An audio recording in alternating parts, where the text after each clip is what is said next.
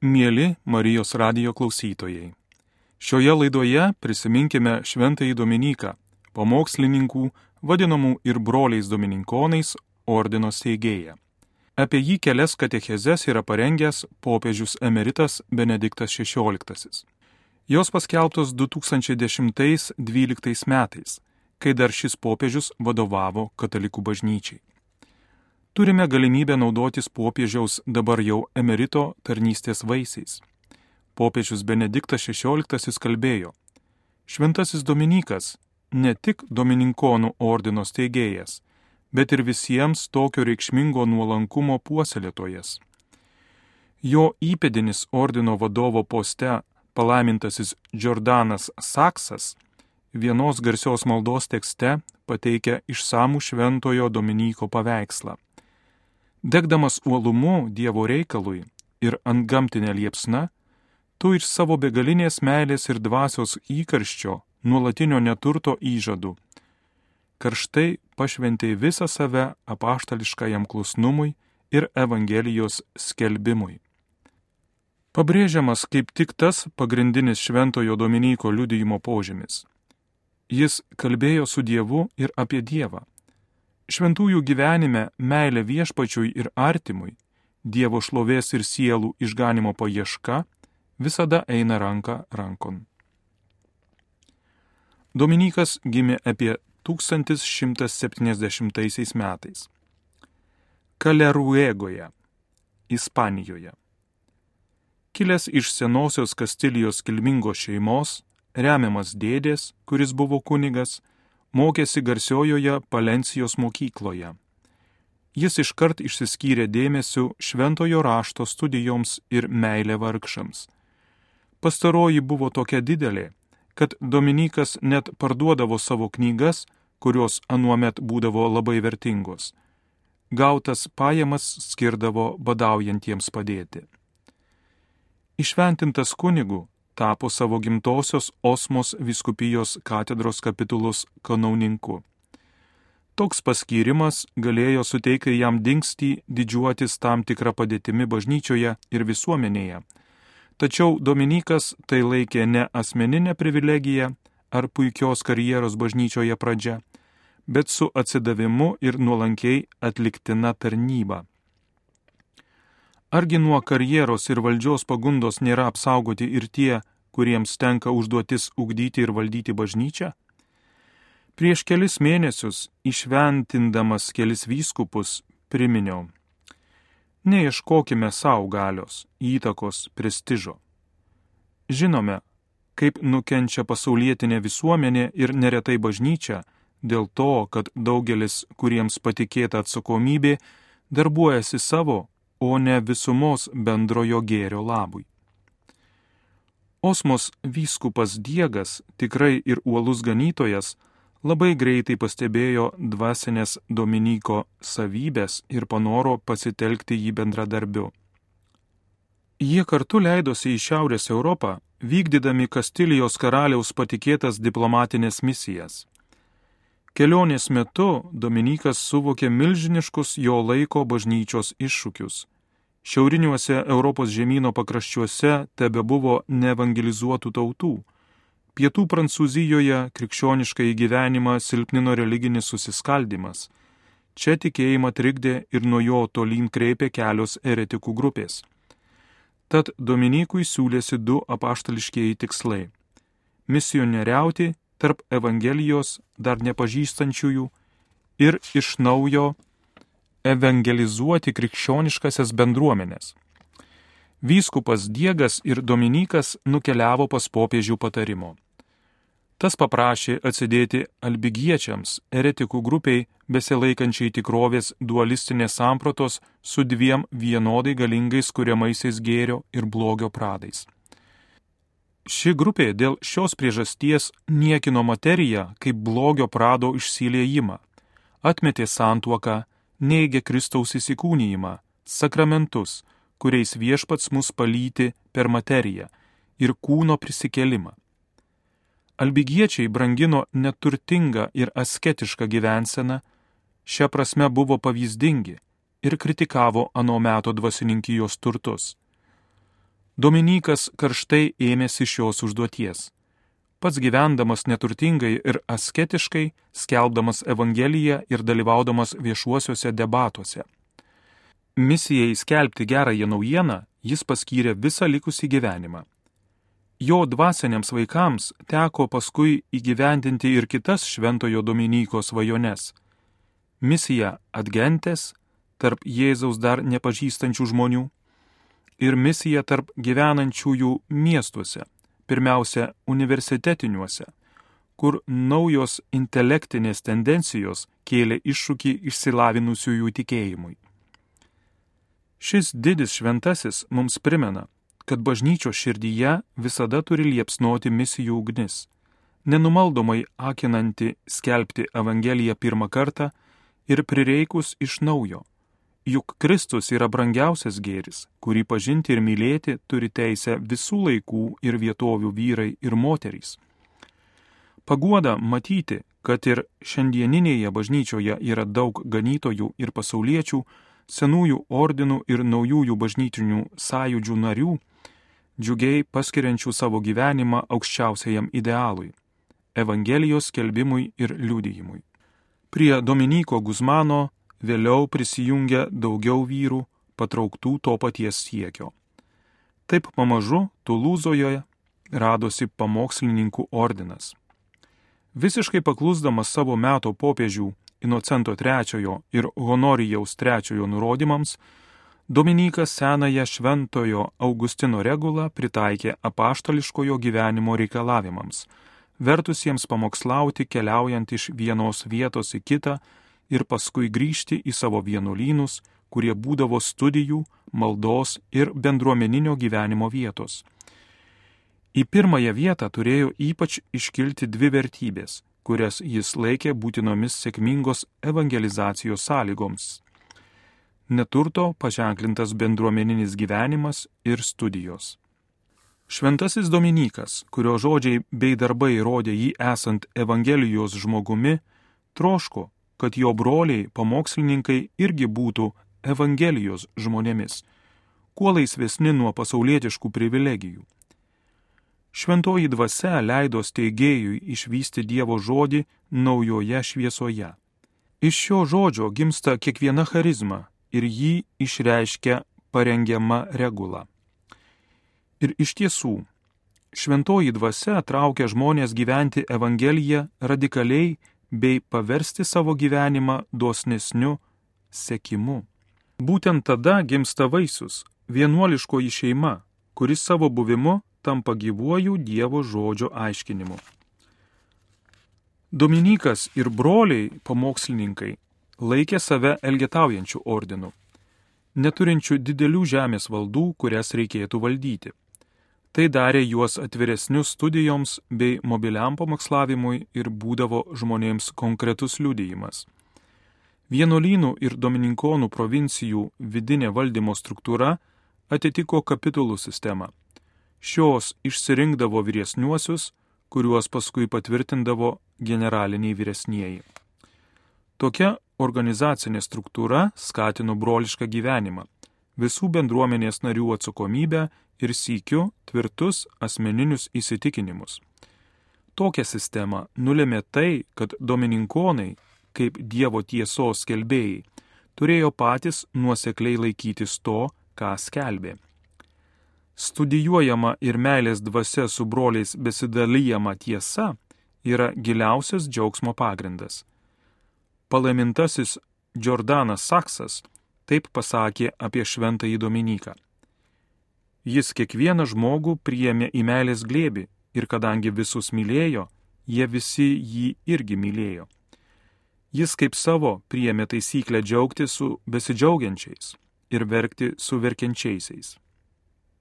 Be to, Dominikas ryštingai panoro, kad visi jo sekėjai gautų tvirtus teologijos pagrindus ir nesviruodamas siuntė juos į ano meto universitetus, nors ne vienas bažnyčios vyras į tas kultūrinės įstaigas žvelgdavo kupinas nepasitikėjimo.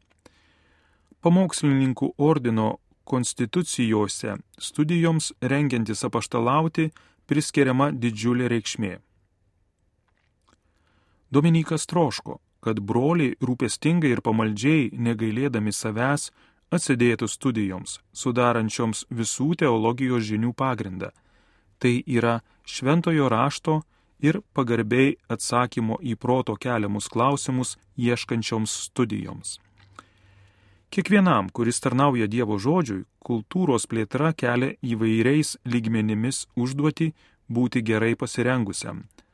Tad raginu visus ganytojus ir pasauliečius puoselėti šį tikėjimo kultūrinį matmenį, kad būtų galima geriau suprasti krikščioniškosios tiesos grožį ir tikrai ugdyti, stiprinti bei ginti tikėjimą. Šiais kunigų metais kviečiu visus seminaristus ir kunigus branginti dvasinę studijų vertę. Kunigiškosios tarnybos kokybė taip pat priklauso nuo pastangų studijuoti apreikštąją tiesą. Dominikas troškės įsteigti pamokslaujančių teologų ordiną mums primena, kad teologijai būdingas dvasinis ir pastoracinis matmuo, praturtinantis sielą ir gyvenimą. Kunigai, pašvestieji asmenys ir visi tikintys pasauliečiai gali patirti gilų vidinį džiaugsmą, kontempliuodami iš Dievo kilusių, visada aktualių ir gyvų tiesų grožį.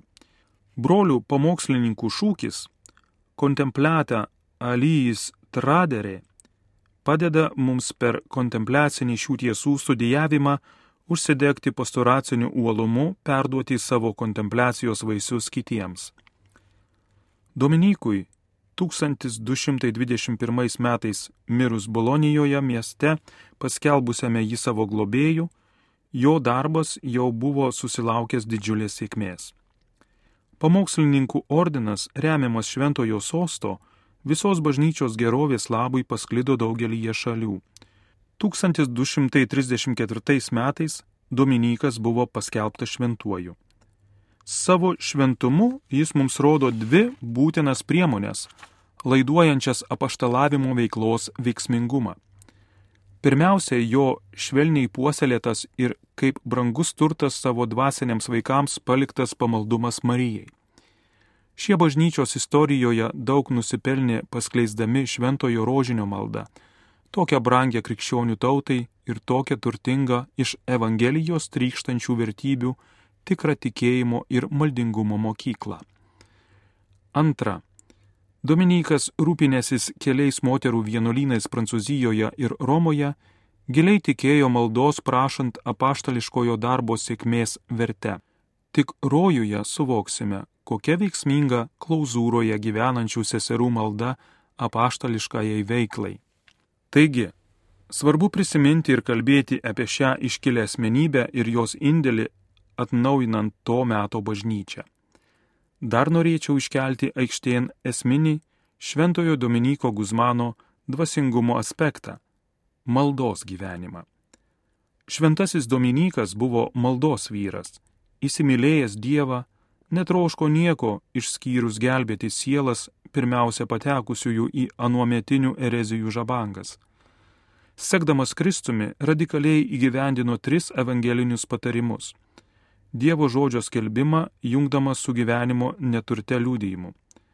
Vedamas šventosios dvasios, žengė krikščioniškojo tobulumo keliu.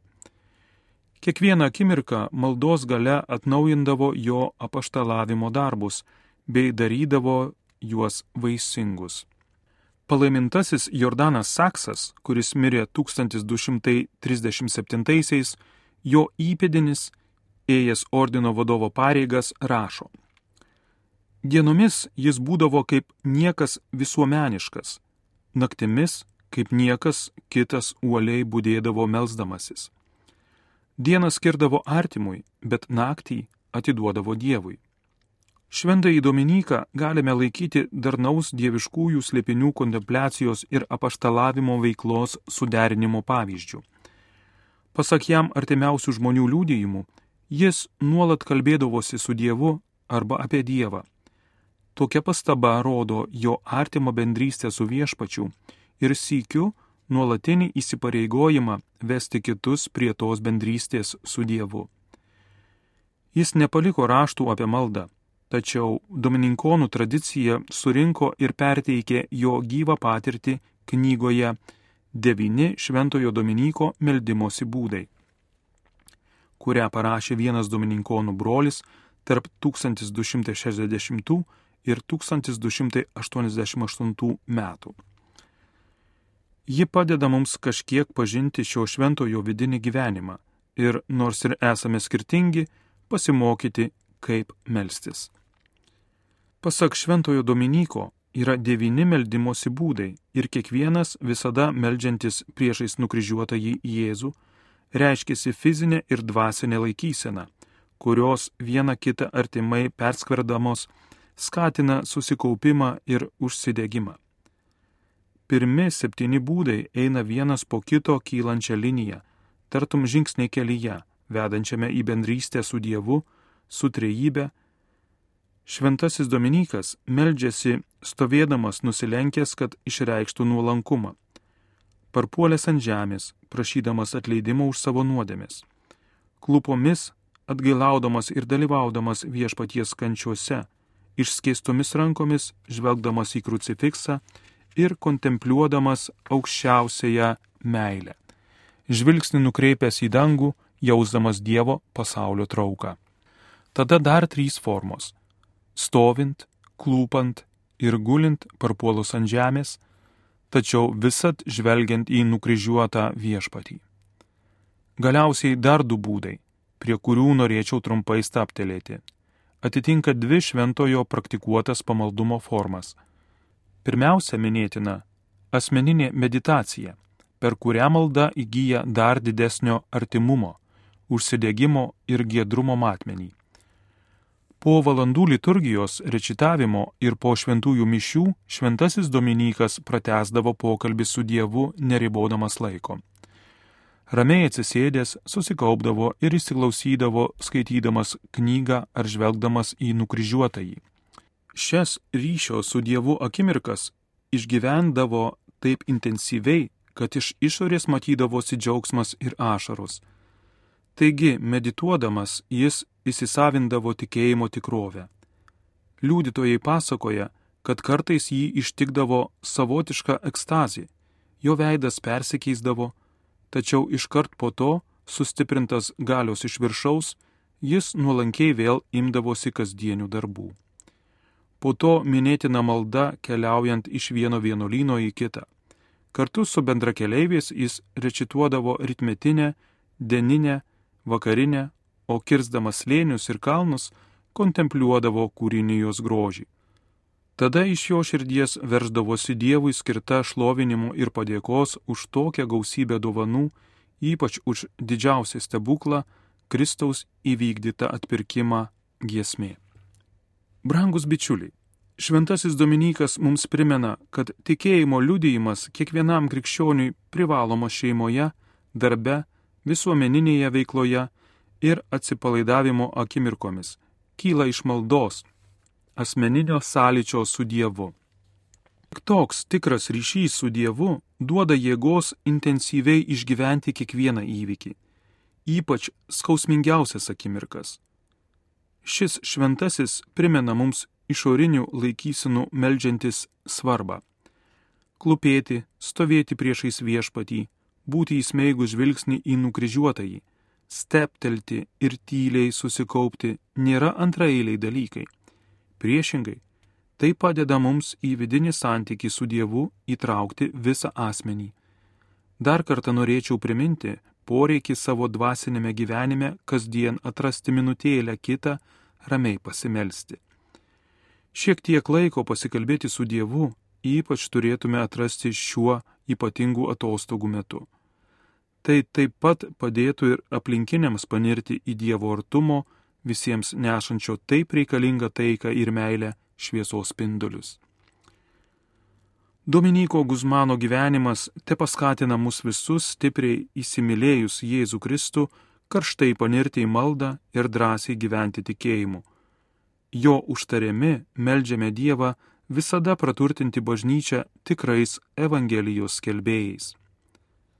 Mėly Marijos radio klausytojai, Šioje laidoje prisiminėme Šventąjį Dominiką, pamokslininkų, vadinamų ir broliais domininkonais, ordino steigėją.